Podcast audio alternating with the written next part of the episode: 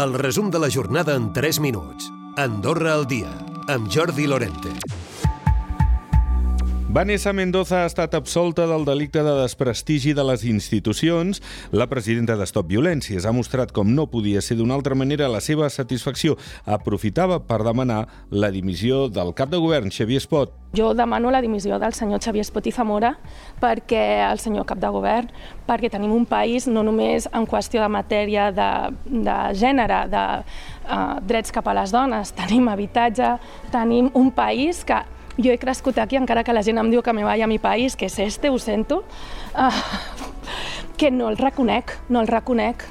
Espot, de la seva banda, volia parlar de la separació de poders. Aquesta sentència deixava clar aquesta independència del que és l'aspecte judicial del de govern. Respecte per la independència judicial, no? I per tant això demostra que eh, amb independència doncs, de quina pot ser la posició de la Fiscalia en aquest cas, hi ha uns òrgans judicials que, que dictaminen eh, de manera absolutament lliure i, i absolutament independent, no? i per tant jo crec que això també eh, mereix reconsideració per part de moltes persones que des de l'anonimat, o a vegades no tant des de l'anonimat, ja des del primer dia han posat en tela de judici la independència dels nostres òrgans judicials, en aquest cas i en molts altres casos.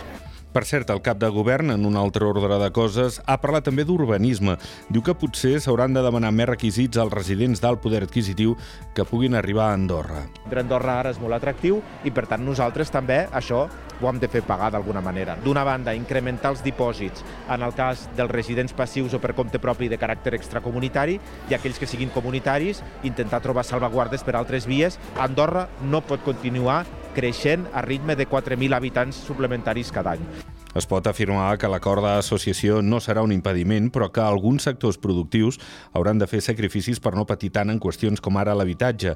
Encara parlant de l'habitatge, la coordinadora per un habitatge digne ha convocat una assemblea general el pròxim 4 de febrer, tot plegat amb l'objectiu d'organitzar-se per defensar el dret a viure dignament.